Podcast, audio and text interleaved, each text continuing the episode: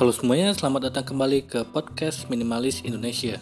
Podcast ini didukung oleh Podcast Network Asia.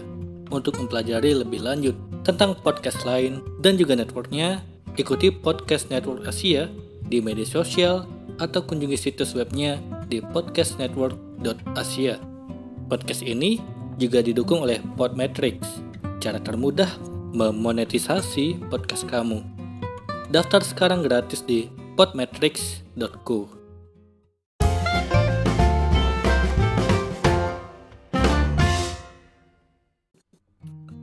Halo semuanya, kembali lagi bersama saya Madianto. Kali ini kita akan membahas tentang hidup sederhana seperti orang Jepang. Inilah 5 hal yang membuat kamu lebih bahagia. Gaya hidup minimalis adalah sesuatu yang patut dipelajari dari orang Jepang, dengan tujuan akhir membebaskan diri dari ketergantungan pada hal-hal sehingga mereka menyederhanakan hal-hal untuk kehidupan yang lebih ringan dan lebih bahagia. Setiap negara memiliki karakteristik budaya sendiri yang layak dipelajari. Orang Jepang punya kesederhanaan, sementara di negara lain, orang-orang berusaha keras untuk mencapai lebih dan lebih lagi.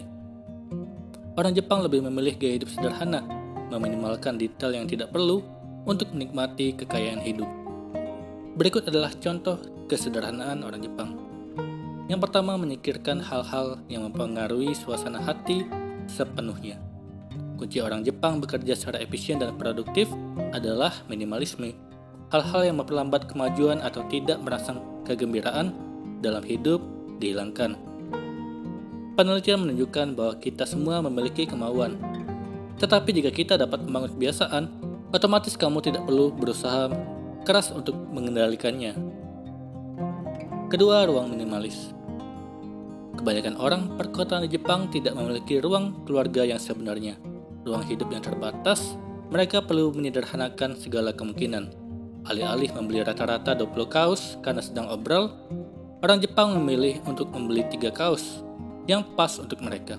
Orang Jepang juga lebih suka pergi ke perpustakaan untuk membaca buku.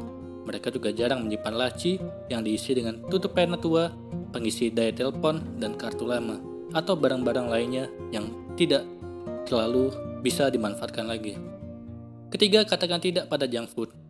Di Jepang, orang tidak makan junk food untuk melawan rasa lapar atau menghabiskan waktu. Orang Jepang hanya makan tiga kali sehari dengan nutrisi dan energi yang lengkap. Kamu tidak akan menemukan orang Jepang berjalan dan makan di jalan. Pakar nutrisi juga menegaskan bahwa kalau kamu memenuhi kebutuhan nutrisi tubuh di makanan utama, kamu tidak perlu makan lebih banyak cemilan atau snack untuk mengisi kembali energi. Keempat, belanjakan sesuai kebutuhan yang sebenarnya. Orang Jepang memiliki gaya busana yang santai. Mereka tidak menjadikan diri mereka budak tren, sehingga mereka membelanjakan berdasarkan kebutuhan yang sebenarnya dan lebih memilih hal-hal yang nyaman untuk hidup dan bertahan hidup. Kualitas selalu diprioritaskan daripada kuantitas. 5. Prinsip pemeriksaan waktu banyak dari kita menghabiskan waktu kita secara tidak rasional dan selalu merasa super sibuk tetapi tidak mencapai apa pun dalam hidup.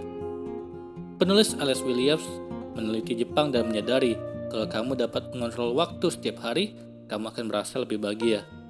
Untuk mengontrol waktu, kamu perlu makan lebih baik, berpakaian lebih sederhana, hidup lebih sehat tetapi jangan terlalu khawatir tentang hal itu.